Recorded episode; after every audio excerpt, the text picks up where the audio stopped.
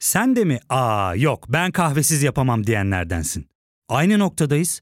İlk ve tek kahve üyelik uygulaması Frink'le tanış. Hem bütçeni koru hem de hiç bitmeyen kahvenin tadını çıkar. Yakınlarından terapinin onlara ne kadar iyi geldiğini dinlesen de kendin için bir şeylere başlamak zor geliyor olabilir. Ya da sevdiklerine yardım etmeye istekliyken kendi ihtiyaçlarını görebilmek. Hayvel, uzman psikologlarıyla kendi ihtiyaçlarını bulmanda sana destek olacak. Terapi yolculuğuna başlamak için detaylı bilgi bölümün açıklamalarında.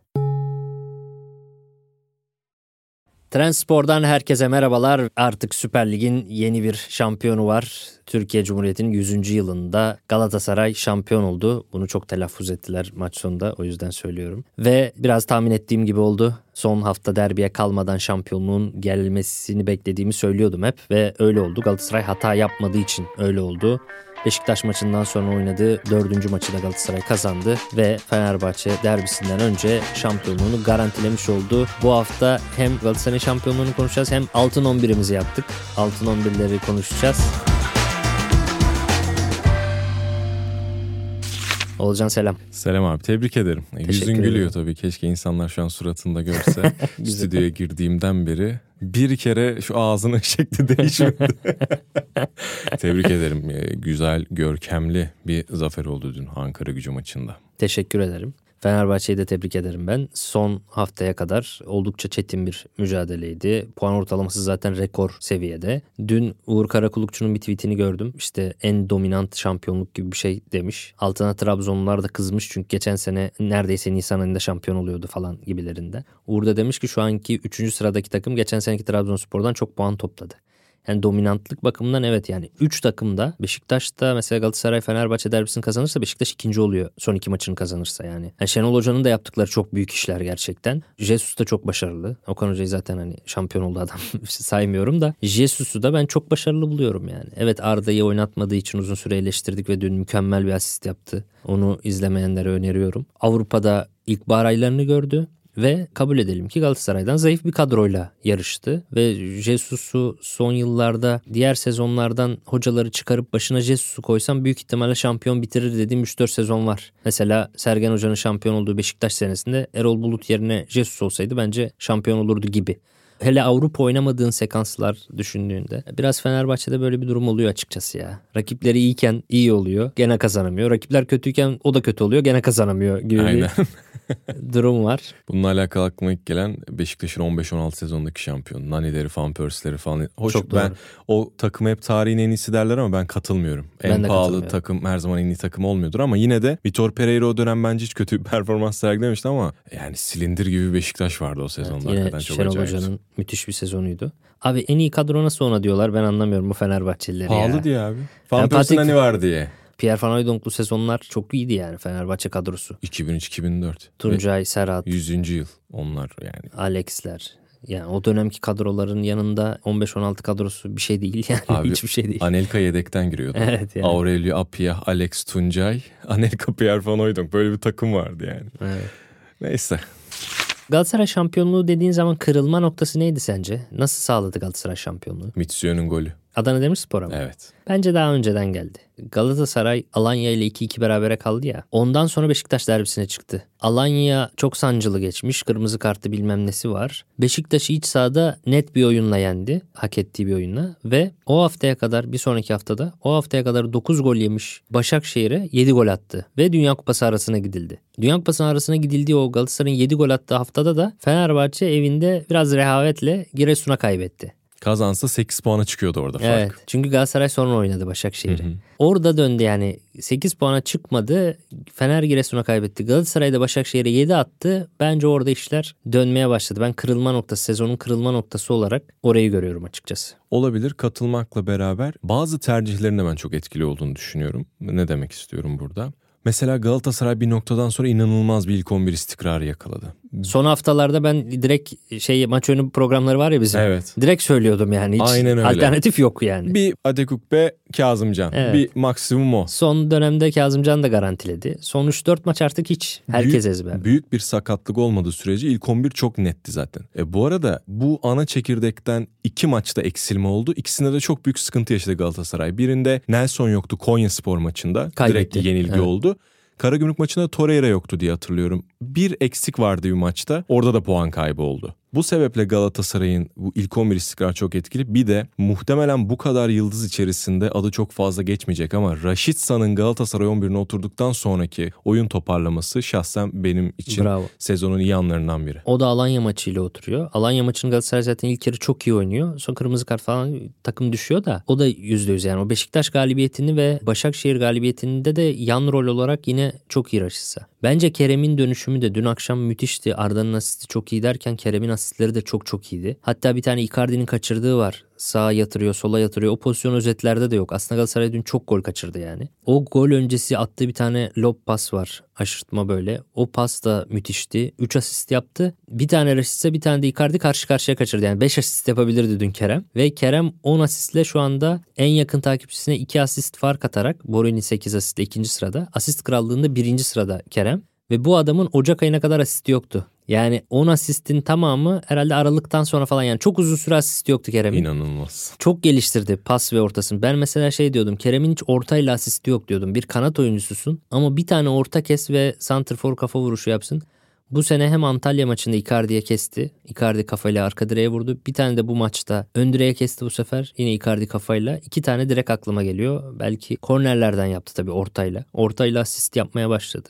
Pas şiddetini ayarlayamıyor diyordum. Ya hızlı gidiyor ya yavaş gidiyor. Sivas maçında Icardi'ye yaptığı asiste pasın şiddeti tam çok iyi.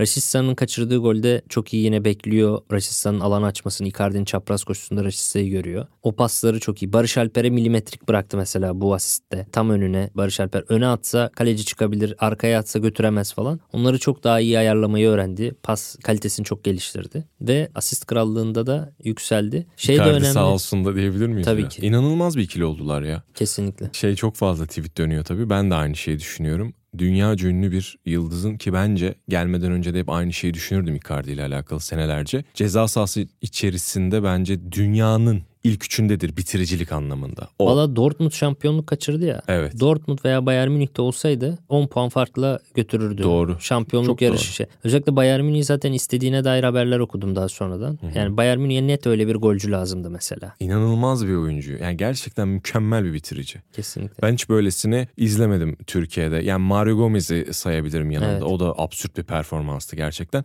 Benim zamanında Robin van Persie'den beklediğim şeydi bu aslında. Çünkü o da mesela bir iki sezon dünyanın en iyisiydi. Premier Lig'de 60 Doğru. gol atmıştı. Ama işte tutmak bambaşka yani. Dün adam güneş gözlüğü takmış gecenin dördünde aşkın olayım söylüyor. Onda da aidiyetin ve Galatasaray'da rahat hissetmenin getirdiği bir şey de vardı Icardi. Tabii şey de var. Percy 34 falan geldi. Biraz Hı hı. artık bitik Tabii. yani. Tabii o da var. Ama Icardi hala 29.5'ta falan geldi. 30 yaşında daha yani. Evet. Hala var. Ki Icardi'de hafif o armut göbeği de var yani hiç öyle şey. Çok fit haliyle de oynamıyor. Ona rağmen şov yapıyor. Ama karşısına da koyduğumuz stoperler Arda falan yani. Arda muhtemelen 10 yıl sonra şey anlatır. Ben Icardi'ye karşı oynadım diye torunlarına falan anlatır yani. Stoperlerimiz o kadar kötü ki. Icardi onlarla dalga geçiyor yani. Dünkü goller falan o kadar basit ki Icardi için yani. İlk golü mesela. İlk golde iki pasla gol atıyor Galatasaray ve savunma yerleşmiş, set yerleşmiş hiçbir açık bir hata yok, bir şey yok. Resise bir orta kesiyor. Icardi iki stoper o kadar kolay bayıltıyor ki. Yani çok kolay. Bazı şeyleri çok kolay yaptı. Ben de şeyi düşünüyorum. Yani ben 25 yıldır falan çeyrek asırdır ligi sürekli takip ediyorum.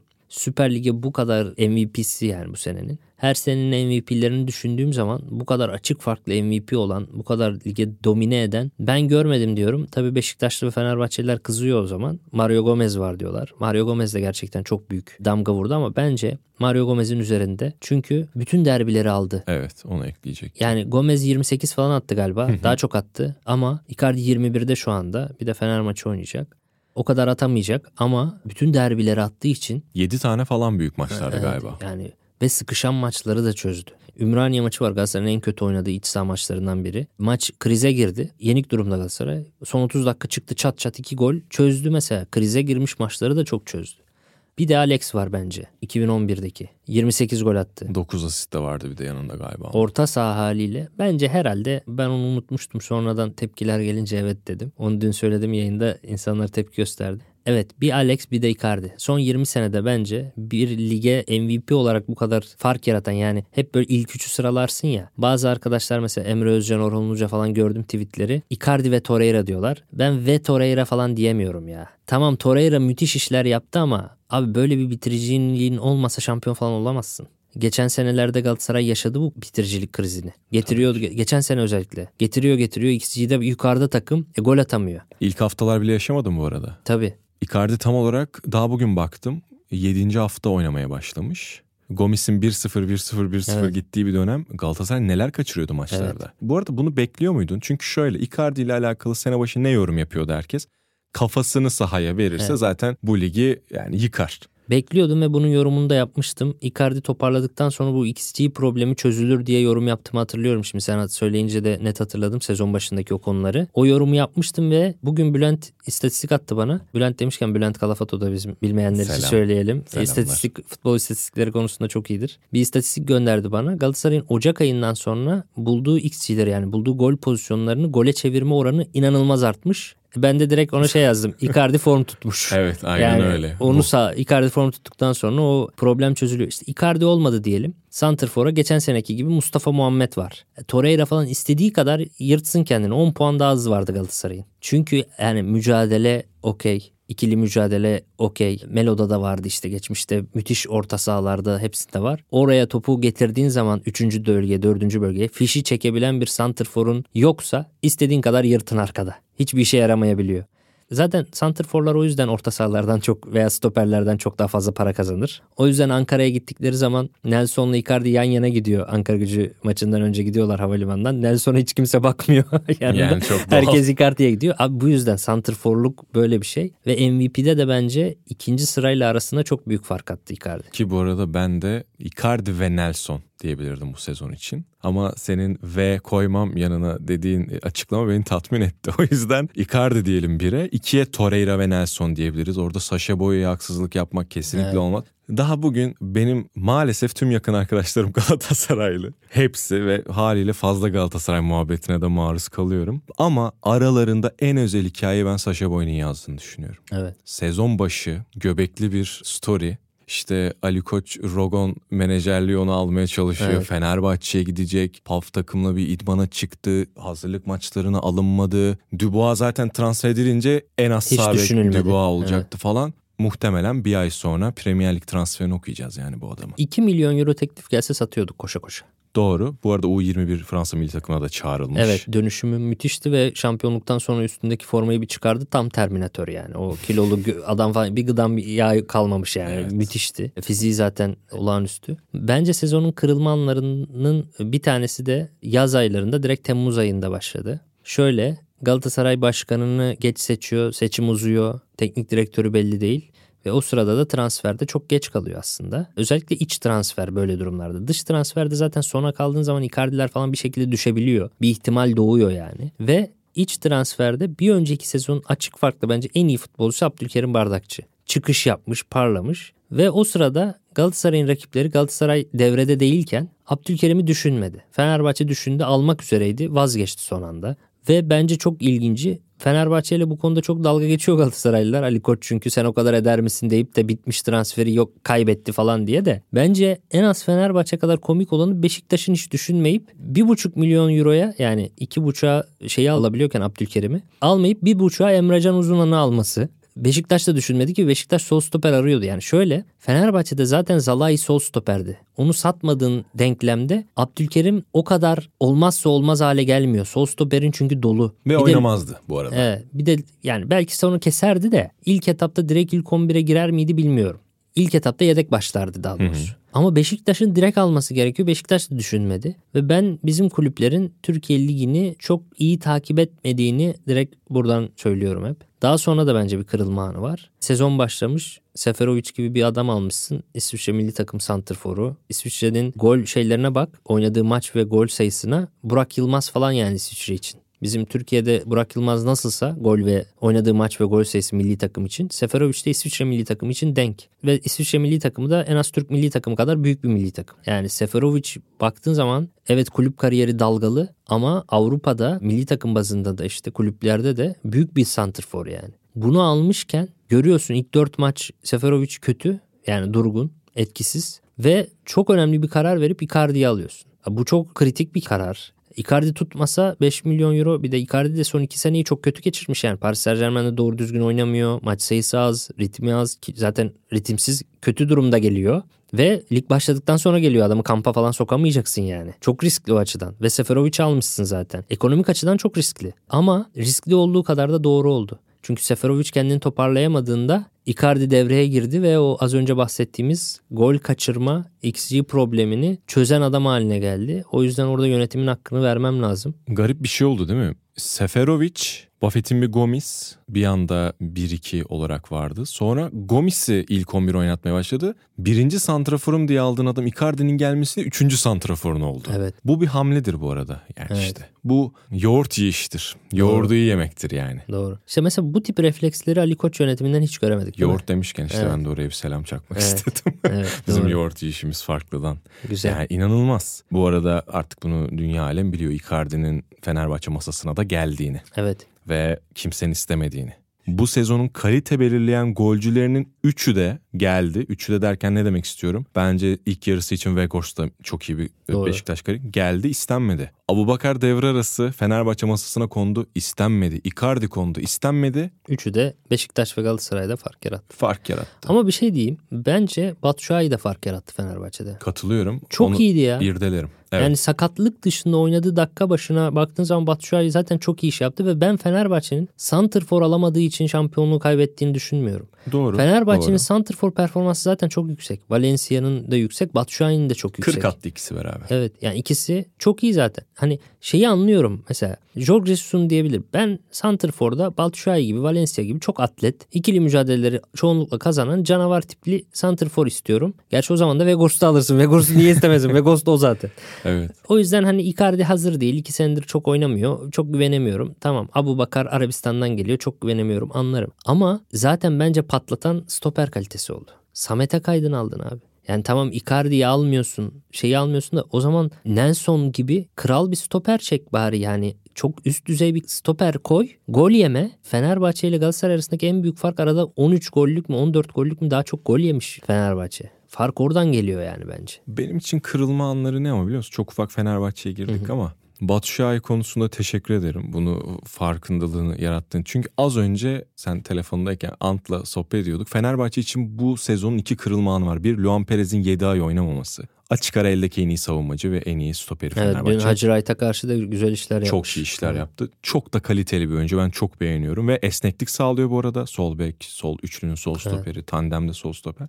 İki, ligin son düzlüğüne girerken Sevilla maçında Batshuayi'nin sakatlanması. Çünkü Batshuayi varken Valencia'da rahat ediyor ki Batshuayi sakatlandıktan sonraki Valencia'nın 10 maçta sadece 2 tanesinde golü var. 8 maçı boş geçiyor. Çok rahatlatıyor. Konfor alanını çok rahatlatıyor. Biraz da forma girdikten, maç kalitesini arttırdıktan sonra Batshuayi yine son düzlükte çok iyi işler yaptı. Ama bu iki sakatlık, Joao Pedro sakatlığını bile söylemiyorum bu arada bak. Batshuayi ve Luan Perez. Çünkü Luan Perez sakatlanmasaydı bu kadar uzun süre ben eminim ki Fenerbahçe Samet Akaydın da almayacaktı. Olabilir. Bence hatta bu sezon başında Fenerbahçe'de çok acayip bir şey oldu. Zalai'ye 17 milyon euro civarında bir teklif geliyor. Zenit'ten. Ve satmıyorlar. Evet. Bak ben şunu söylüyorum. Gelecek sene büyük ihtimalle Luan Perez ilk 11 oynar. Sol stoperde Zalai de yedeği olur. Doğru. Ben de öyle düşünüyorum. Kesinlikle. Bunları satmamak işte şu planları yapamamak. Oradan 17'yi alsan sağ stopere taş gibi bir stoper alabilirsin. Doğan Perez ikilisini ko- koyabilirsin. Veya Abdülkerim'i daha önceden almış olsan Zalai'yi güle oynaya gönderebilirsin 17'ye. Başka yerlere çok çok iyi transferler yapabilirsin. Bu düzenlemeyi bir türlü Fenerbahçe gerçekten yapamıyor. Ha, Fenerbahçe'nin sağ stoper rotasyonu Serdar Aziz, Samet Akaydın, Gustavo Henrique. Evet çok kötü. Kim Min-jae'den sonra bir de yani bu. Sol tarafta Luan Perez Zalai çok daha iyi Çok gene. iyi. Evet. Bu arada yani benim hiç duyumculukla işim olmaz alakam da yok ama bunu çok net biliyorum. Fenerbahçe bünyesinden biriyle sohbet etme fırsatı bulduğum için. Devre arasında tam 6 tane yabancı stoper ismi koyuyorlar George Jesus'un önüne. İçerisinde Nagalo var, Strasbourg'dan Jiku var. Ben Adana Demirspor'daki çocuğu istiyorum diyor. Bizle oynadığımız maçta çok beğendim diyor. Ben o maçta stat'taydım. Fenerbahçe 3 gol atmıştı yanlış hatırlamıyorum. İkisini Samet patlattı o golleri. Çok garip ve hadi rotasyon 3.7 milyon euro.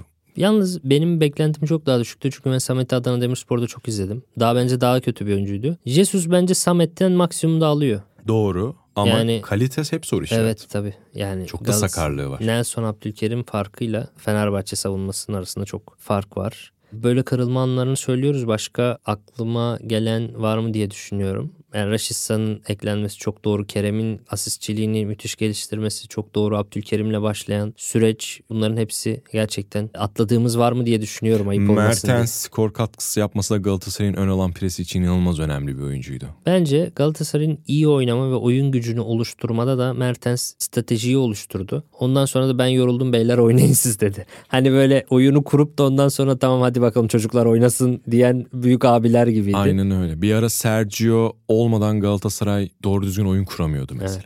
Son 10 Çok maçta düştü. düştüler ikisi de. Yaş Mertens de Oliveira'da ama gerçekten Galatasaray'ın iyi futbol oynamasını öğreten ikili de Mertens ve Oliveira oynuyor. O topun akışı. Dün Mertens iyiydi bu arada. Hani gol kaçırdı falan ama tabii taraftarlar maçı sakin bir kafayla izleyememiştir ve gol kaçırdığı için Mertens de son haftalarda kötü olduğu için çok kızmışlardır muhtemelen Mertens'e ama dün Diak'a bir sarı kart gösterdi. Doğru presler yaptı. Oyunu iyi akıttı. Mertens dün iyiydi bence. Ama son haftalarda Galatasaray'da Torreira ve Icardi. Yani Icardi zaten son 8 golü falan attı.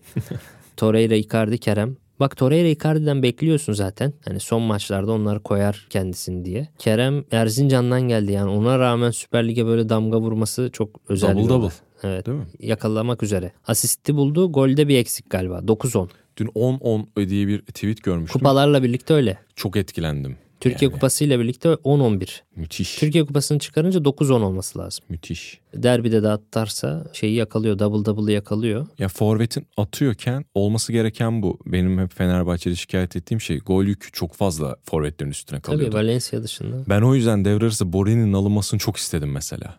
Ufak bir ara verelim ardından devam edeceğiz. Ya fark ettin mi? Biz en çok kahveye para harcıyoruz. Yok abi, bundan sonra günde bir. Aa, sen Frink kullanmıyor musun? Nasıl yani? Yani kahvenden kısmına gerek yok. Frink'e üye olursan aylık sadece 1200 TL'ye istediğin çeşit kahveyi istediğin kadar içebilirsin. Günlük 40 TL'ye sınırsız kahve mi yani? Çok iyiymiş. Aynen. Hatta şu anda 200 TL'lik bir indirim kodu da var. E hadi hemen indirip üye ol da bu fırsatı kaçırma. Terapiye başlamak, içinden çıkamadığın döngüleri kırmak, bazı yanlış bulduğun kararlarını değiştirmek ve kendinle beraber daha huzurlu bir yaşam inşa etmek için atabileceğin en değerli adımlardan biri. Hayvel ile yoğun yaşam tempona uyum sağlayarak online terapi seanslarını takvimine göre ayarlayabilirsin. Bini aşkın uzmandan sana en uygun terapisti seçebilir, podb10 koduyla indirimden yararlanabilirsin. Detaylı bilgi açıklamalardaki bağlantıda. Geçelim mi altın 11'e? Geçelim tamam. Kaleden başlayalım. Ben Mert Günok koyuyorum. Ama şeyi de söyleyeyim. Biraz Muslera'ya kızdık, haksızlık da ettik. Bence Muslera da iyi bir sezon geçirdi Galatasaray'da. Yani bir Trabzon maçında hatası var. Bir Karagümrük maçında hatası var. 2-3 maçta evet hataları var ama dün mesela yine iki tane iyi toplar çıkardı. Dünkü maç sıkıntıya girebilirdi. Ankara gücü ilk yarıda bayağı pozisyon buldu. Bir tane Muslera'nın çok iyi çıkardığı var. Sonra döndü maç. Muslera ilk üçe girer bence bu sene. Ertaç da iyiydi. Son haftalarda Ertaç düştü. Hatta dün Karaçiç oynamış Ertaç yerine. Mert de 10. haftadan sonra ilk 11'e geçmeseydi kesin Mert derdim de. 10. haftadan sonra falan geçmiş olmasına rağmen Beşiktaş'ı iyi toparladı. Bir de Mert'te şundan dolayı sempati duyuyorum. Giresun maçında o çaprazı kopardı ya ve gol yedi. Çok acayip bir goldü. Geçen senenin ortasında. Ve Mert artık belli bir yaşı geçmiş bir oyuncu. Milli takımın eski kalecisiydi. Kaleyi milli takımı kaptırmıştı Uğurcan ve Altay'a. Üstüne bir de çok ağır sakatlık Beşiktaş kalesinde Ersin'e kaptırmıştı. Mert'in artık dönemi geçti falan gözüyle bakıyordu herkes. Bir de o diz gitti yani. O diz sakatlığından döndü bir sene sonra hem Ersin'i kesti hem Milli takım kalesini hem aldı. milli takımda hem Uğurcan'a hem Altay'ı durun bakalım çocuklar dedi kesti. Hem de ligin en iyi kalecisi haline geldi. Kurtarış oranında falan da galiba en iyi. Bu geri dönüşe duyduğum saygıdan dolayı da beklemiyordum hiç çünkü beni de çok yanılttı. Ya ben artık dönmez diyordum yani o ağır sakatlıktan sonra ama bütün hepsini bütün gençleri kesti yani. Kalitesini konuşturdu. Ben Mert Günok diyorum kaleye. Ben de Ertaç diyorum. Tabii ki ya bir sürü isim sayabiliriz işte. Mert ve Muslera da kesinlikle ama Ertaç'ı şöyle ön plana koyuyorum. Senelerce hep ligin alt sıra takımlarında forma şansı buldu. Bence de çok fazla değeri verilmeyen kalecilerin de başına. Senin kedi kaleci tabirin Evet. var. Ertaç öyle bir kaleci bence. Abi Adana Demirspor'da kaleci olmak bence dünyanın en zor işlerinden biri. Neden diyeceksin? Zaten savunma oyuncusu kalitesi e, maalesef ki yerlerde. İkincisi Adana Demirspor hep skorerliğiyle ön plana çıkıyor olabilir ama savunma yapma, savunma yapmayı bilme, savunma duruş artık her ne demek istersen bu konuda aşırı zayıf bir takım. Ve böyle bir takımda kaleci olmanın ne kadar zor olduğunu söylüyoruz. Ertaç son haftalara kadar muazzam performans gösterdi benim izlediğim Adana Demir maçlarında. Çünkü bir ara bu 4-6-0 ilgimi çekiyordu benim Emre Akbabalı falan. Adana Demir maçlarını bayağı takip ettim. İzlemesi de keyifli takım. Evet. Yani zaten bol bol geçiş oluyor o kadar arkada. Hani Badu gidiyor, Gökhan İnler herkes falan böyle ileri attı. Çok fazla geriye koşturuyorlar falan. O yüzden Ertaç büyük saygıyı hak ediyor bu sezon benim nazarımda. Bence Ertaş'la ilgili şu detay da çok önemli. Savunmayı çok öne çıkarıyorlar ve arkaya çok top atılıyor. Onlara çok cesur bir şekilde çıkması lazım Adana Demir kalecisinin. Ve Ertaç inanılmaz bir çılgınlıkla çıkıyor bunlara. Evet. Ya böyle Güney Amerika'da deli kaleciler falan olur ya Ertaç öyle olmuş gibi yani birden alakası yok Güney Amerika ile ama olmuş yani hepsinden daha Güney Amerikalı olmuş. Ve çok başarılı yaptı onları yani o çıkışları o konsantrasyon mesela hep böyle kalecilerin kaderidir çıkar bir tane ıska geçer atarlar gol olur. Bir kısa uzaklaştırır orta sahadan biri vurur Fenerbahçe'ye atmıştı ya Figueiredo Evet. geçen sene. Öyle bir gol atar falan hiç yemedi bunlardan Hiç. hep doğru zamanda çıktı. E, O açıdan o Adana Demirspor'un oyun anlayışına da Montella'nın istediği kaleci tipine de direkt cevap verdi yani adam. Hakkını vereyim. O yüzden kesin yani. Ben de Mert 1 Ertaç 2 diyebilirim. Bu arada son yılların bence en istikrar kalecisi çok da beğeniyorum. Şey içi de belki Konya çok iyi gitmedi. Dün bir çok kötü ama bir gol yemiş Seyic bu arada. Bu sene düşüşte Seyic Canı evet. sağ olsun. Bayağı istikrarlı bir adam çünkü. Niyeyse hep şey içe bakınca Karca Marskars aklıma geliyor. o da senelerce bizim ligde kaldı falan böyle Litvanya böyle beyaz bir adam. Niyeyse şey içe bakınca aklıma geliyor. Seyic iyi kaleci gerçekten. Evet. Ama bu sene biraz performansı düştü. Sağ bek başlayayım ben. Sasha Boy zaten çok fazla seçenek yok. Aynen. Şu an Fenerbahçe taraftarlarının ne düşündüğünün farkındayım ama korkmasınlar. Ben tabii ki Ferdi'yi sol beke yazacağım. Ben de. Çünkü şeyi yapamam yani. Saşa Boy'u yazıp Ferdi'yi yazmamazlık olmaz. İkisini de kenarlara koyarım ben. Sebep açıklamaya da gerek yok galiba. Çok fazla. Evet, yani zaten alternatifleri yok gibi bir şey ya. Sağ bekte Ferdi veya boydan bir tanesi olmadığı zaman üçüncü bir isim çok uzakta. Ya var mı aklına gelen biri? Yani Max Svensson bir anda aklıma geldi. Ee, Onur Bulut falan bayağı aşağıda kalıyor. Bayağı yani. aşağıda kalıyor yani. Sol bekte de Ferdi'yi koyduk. Ferdi'yi koymadığın zaman alternatif. Cilerme'yi koyabilirsin. Evet. Konya'dan Cilerme. Dilerme biraz daha yakın ikinci sırada. Evet. Kevin Rodriguez öyle çok beğenmem ama fena bir sezon geçirmediğini Ben de düşünüyorum. savunma açısından hiç beğenmiyorum. O Evet, yüzden Sakar, sakar Doğru. bir bek. çok pozisyon hatası yapıyor. Ben oyun zekasını düşük buluyorum bayağı. Sağ bek sol bekimiz aynı. Tabii boyu Ferdi. Sağ stoper yani Victor Yani Nelson. Nelson. Hatta e, direkt ikili olarak ya. Evet. Abdülkerim yanına da? Ya bu kadar Galatasaray'la almak istemedim. Bu arada işte cümlem yanlış anlaşılmasın. Böyle bir takımdan 5 adam almak hiç istemedim yani. Zaten bunu sadece Galatasaray'la yapabilirsin. Eğer öyle bir şey yapmazsak hepsi Galatasaray olur zaten sol bek dışında neredeyse. Ama Nelson Abdülkerim diyebiliriz bence. Evet. Ben de Nelson Abdülkerim diyorum. Üçüncü bir isim olsa Roman Seyis de olabilir yani. Roman Seyis de bayağı. Oynadığı Evet. zamanlar. Az oynadı işte. Ben gideceğim falan deyip de oynamadığı için bir de bu saygısızlıktan dolayı da düşer yani o aidiyet çünkü. Premier Lig'den istediler onu devre arasında Dünya Evet. Kupası'ndan sonra. Nottingham Forest istemişti galiba. Evet o da gitmek istediği için oynamadı çok uzun süre. Ama oynadığı her maçta da çok net kalite koydu yani. Bu ligin üzerinde bir stoper olduğunu çok net hissettirdi. Şimdi başka stoper düşündüm. Gidene kadar Vitor Hugo olabilir miydi? Duarte Acaba? olurdu belki. Duarte de çok iyi bir sezon geçirdi. İyi bir sezon geçirdi ama Duarte'nin de fizik kalitesi çok yumuşak kalıyor, kısa kalıyor. Çok atlet değil. Oralardan sıkıntı. Bence Nelson Abdülkerim ve Sayıs çok daha iyi. Yani kalite olarak. Sayıs devamlı oynasaydı çok çok daha fark yaratırdı. Devamlı oynamadığı için 3. sırada falan kalıyor bende. Ama Nelson Abdülkerim net yani. Bu arada taktiğin Benim 4-3-1-2. Kanatsız. O. Ben de e, 4-4-2 oynuyorum. Güzel. Ama Sağ açığın kim o zaman? Sağ açığımı hemen söylüyorum. Borja Sainz. Onu sağ açığa koydum. Ligin en iyi scout transferlerinden biri bence. Anadolu'ya da biraz gitmiş oldum Evet. Borja Sainz'la beraber. Onu direkt sağ kanada yazarım. Ama alternatif sorsan maalesef ki Arda Güler'i sağ kanada eklemek zorundayım. Evet. Performans bulduktan sonra en iyisi. Ha, çok az oynadı ya. Arda ben net bir on numara olduğu için onu sağ kanada koyup o saygısızlığı ben yapmayacağım. Arda çünkü senin taktiğinde bence on numarada olabilecek bir oyuncu. Ve yaptığı Çok az katkı- oynadığı için ben altın 11'e yani alamıyorum. E, tabii ama kalbinde olduğuna Evet, eminim yani. evet. Gelecek sene inşallah. Evet benim sağ açığım sol açığım da söyleyeyim istersen. Tabii. Borini. Fabio Borini. Kerem'e de selam olabilir. Evet. Problem değil. Kerem de yani double double yapacak ama Borini de 20 gol 8 asist abi. Yani 28 gole katkı en skorer ikinci oyuncu falan herhalde. Gerçi yok. Icardi 21-8. Icardi ile denk gibi. Evet. Aşağı yukarı. Yani evet ben sağ kanadım ve sol kanadım yok. 10 numarada Fabio Borini var. Güzel. Benim orta üçlü. 6 numara zaten Lucas Torreira. Senin 6 numaran kim? Matteo Ricci. Hmm, ilginçmiş. Tatmin olmadık gibi ama. ya Torreira çok iyiydi ya. ya Torreira çok iyiydi ama az önce dedim ya hepsini Galatasaray'dan almak istemedim. Evet biraz çeşitlilik olsun Yoksa. Torreira'yı yazardım evet ama çeşitlilik olsun Matteo Ricci benim altı numaram. Benim Torreira 6'da sol iç pozisyonuna da Amir Aziz Ahmetoviç diyeceğim. Jetson da olabilirdi ama Jetson sezonun ilk yarısında Valerian İsmail döneminde yedek kaldıkları falan var. Fenerbahçe maçını çok kötü oynadı. Mesela Galatasaray maçını mükemmel oynadı. Üf, evet. Fenerbahçe maçını çok kötü oynadı. Çıkarıp Necip'i soktu adam yerine yani. O kadar kötüydü. Arda ayağından top alıyor falan. Çok kötüydü. Ama yani yine de çok fark yaratıyor iyi olduğu zaman. Ama Amir'le ilgili şöyle düşünüyorum. Amir Konya'dayken Konya ilk dörtteydi. İlk beşte falandı yani o İlhan Palut dönemi. Amir Konya'dan gitti. Konya orta sıralara düştü. Beşiktaş'a geldi. Beşiktaş ilk üçe girdi. Ya Beşiktaş Amir'den önce gene gerilerdeydi. Ya da iyi oynamıyordu. Amir'le birlikte Beşiktaş'ın oyunu da çok gelişti. Ve Amir her iki takımda da çok başarılı olduğu için Konya ve Beşiktaş. Jetson yerine Amir diyorum. Yani yoksa Jetson daha potansiyelli bir oyuncu fiziksel olarak çok anomali zaten onu kabul ediyoruz ama yıllık performans olarak değerlendirdiğimiz zaman Amir'i sol içe yazıyorum. 4-4-2'de çift merkezim oraya tempolu bir oyuncuya da ihtiyacım var. Badu Endia'ya bence inanılmaz bir sezon geçirdi. Çok güzel. Ben de çünkü Badu'ya üzülüyordum.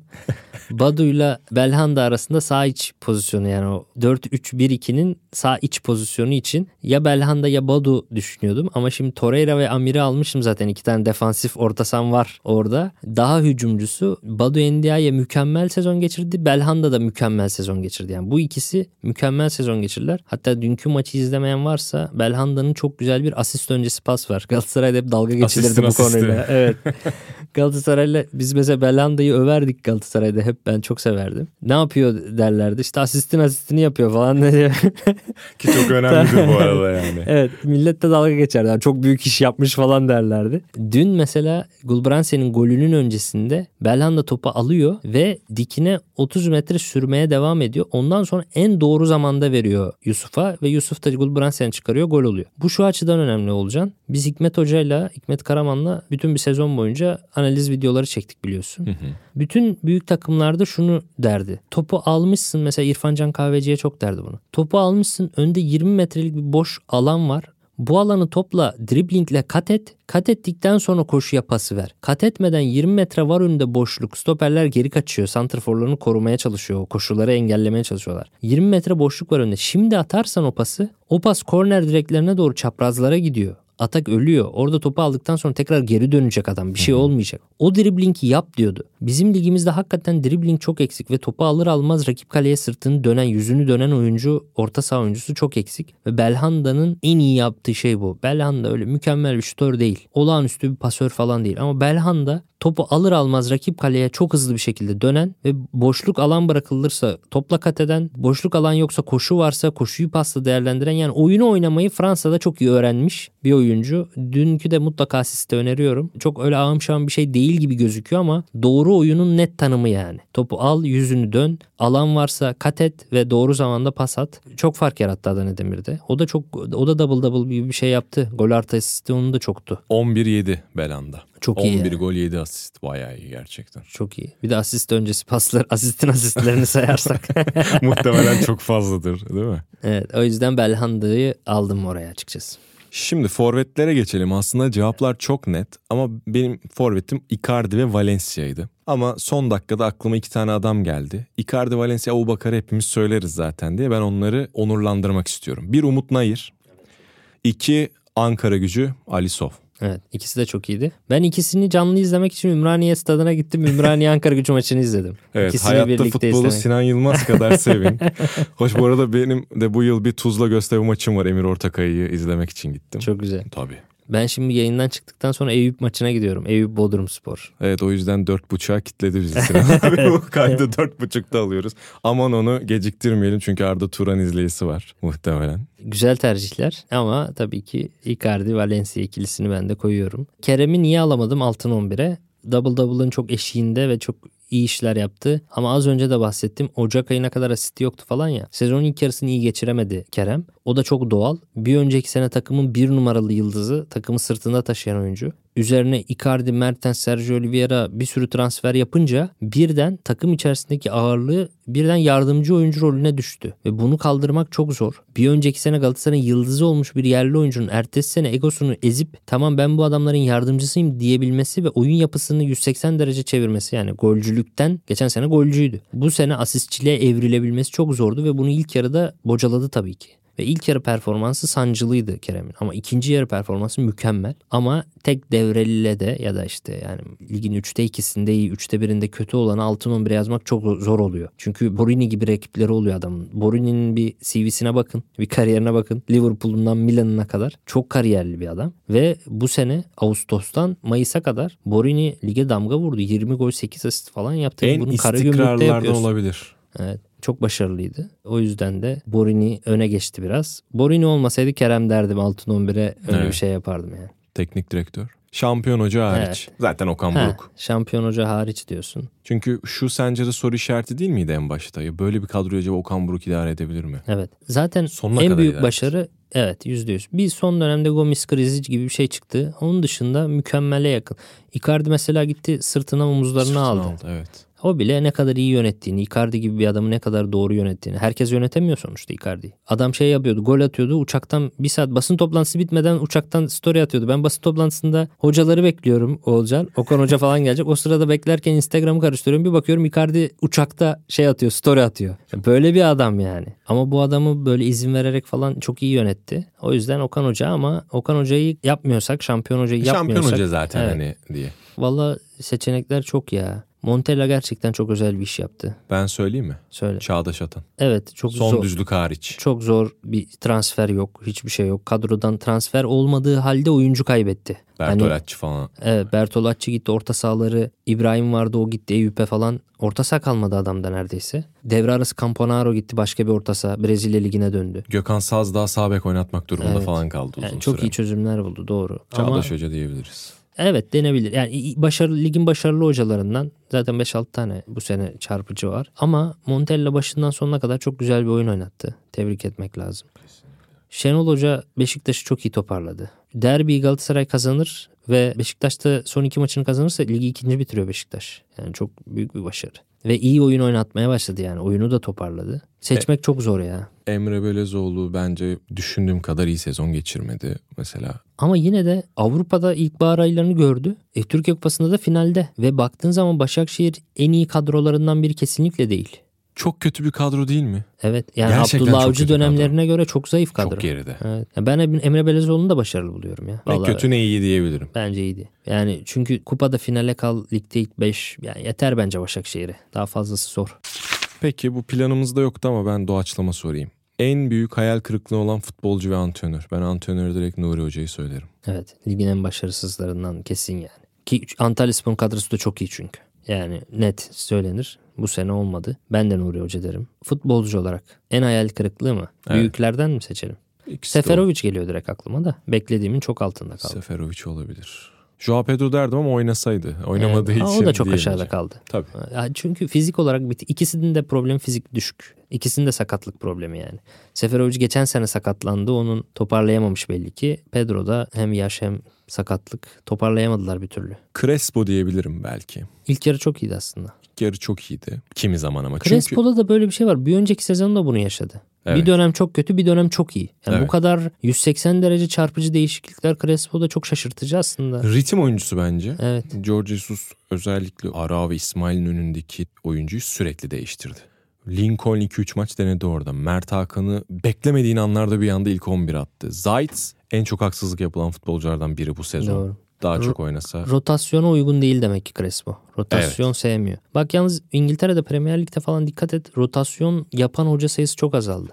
Bir dönemin geçer akçesi rotasyon da Avrupa futbolunda. Mesela Zidane Real Madrid'de Şampiyonlar Ligi yarı finaline çıkıyor. Neredeyse 10 oyuncuyu değiştiriyor. Yedeklerle falan çıkıyordu. Yine alıyordu Şampiyonlar Ligi'ni. Lucas Vazquez'i sağ bek falan yapıyordu. Yine alıyordu. Bir dönem rotasyon çok şeydi yani. Yapmayan kaybediyordu. Ama bu dönemde Pep Guardiola neredeyse sıfır rotasyon ya. Oyuncu değiştirmiyor. Yani Şampiyonlar Ligi yarı finalinde o kadar tempolu maç 90 dakika oyuncu değiştirmedi. Biraz belki bilmiyorum futbolun tarzıyla alakalı mıdır bilmiyorum ama bizim ligde de hep rotasyon yapan kaybediyor. Jesus Evet. bu sene rotasyon yaptı, kaybetti. Sergen Hoca mesela sıfır rotasyon kazandı Beşiktaş'ın o şampiyonluğunda. Hoş Fenerbahçe'yi düşününce en iyi olduğu dönem en çok rotasyon yaptığı dönemde hatırlarsın. Ya Sezonun ilk UEFA. Avrupa Ligi maçları bitti. Fenerbahçe direkt düşüş başladı Fenerbahçe'de. Ama belki de rotasyona göre kurgulanmış bir takım. bu arada bir de herkes kendini diri tutuyordu o yüzden olabilir. Evet. Böyle tek maç tek maçlık bir süreç olunca Emre Mor o dönemlerin en kritik oyuncusuyken mesela atıyorum bir anda ortadan kayboldu. Haftada bire düştüğün zaman oynatamıyorsun. Evet. Oynamayınca da ritim kaybediyor oyuncular. Güzel oldu bence. Bence de Sonda güzel. bir NBA ekleyelim. Tabii ki. Onu söylemeden olmaz. Çünkü ben neredeyse çok büyük bir şomazlılığa imza atıyordum. Bir önceki programda demiştim ki 100 yılın basketbol mucizesi olmazsa Denver Nuggets ve Miami Heat finali izleriz diye. Miami ben bunu dediğimde 3-0 öndeydi. Sonra 3-3 oldu. Ama neyse ki son maçı aldı 4-3 ve Miami Denver finali izleyeceğiz. Bu finalin daha önemli tarafı sahadaki basketboldan ziyade geçen yılın en büyük tartışmalarından biri Nikola Jokic ailesi ve Jimmy Butler Miami tarafıyla geçen soyunma odası basmak, adamsan dışarı gel, işte bilmem ne. Tam streetball Amerika trash talk'una dönen bir mücadeleydi. İnanılmaz merak ediyorum. Yani ne olacağını NBA ile alakalı bu kısa notumuzu eklemiş olalım. Herkese finalde iyi seyirler diliyoruz. Teşekkürler. Ağzına sağlık olacağım. Senin de Sinan abi güzel bir sezondu. Hoş daha maç var. da yani. Evet derbi var. Derbiden sonra yine yaparız. Ben derbi konuşmak istemiyorum ama o gün işim Belli çıkabilir. Bilmiyorum. Belli. Ağzına sağlık teşekkür ederim. Ben de teşekkür ediyorum. Dinleyenlerimize de çok teşekkürler. Haftaya görüşmek üzere. Hoşçakalın. Hoşçakalın.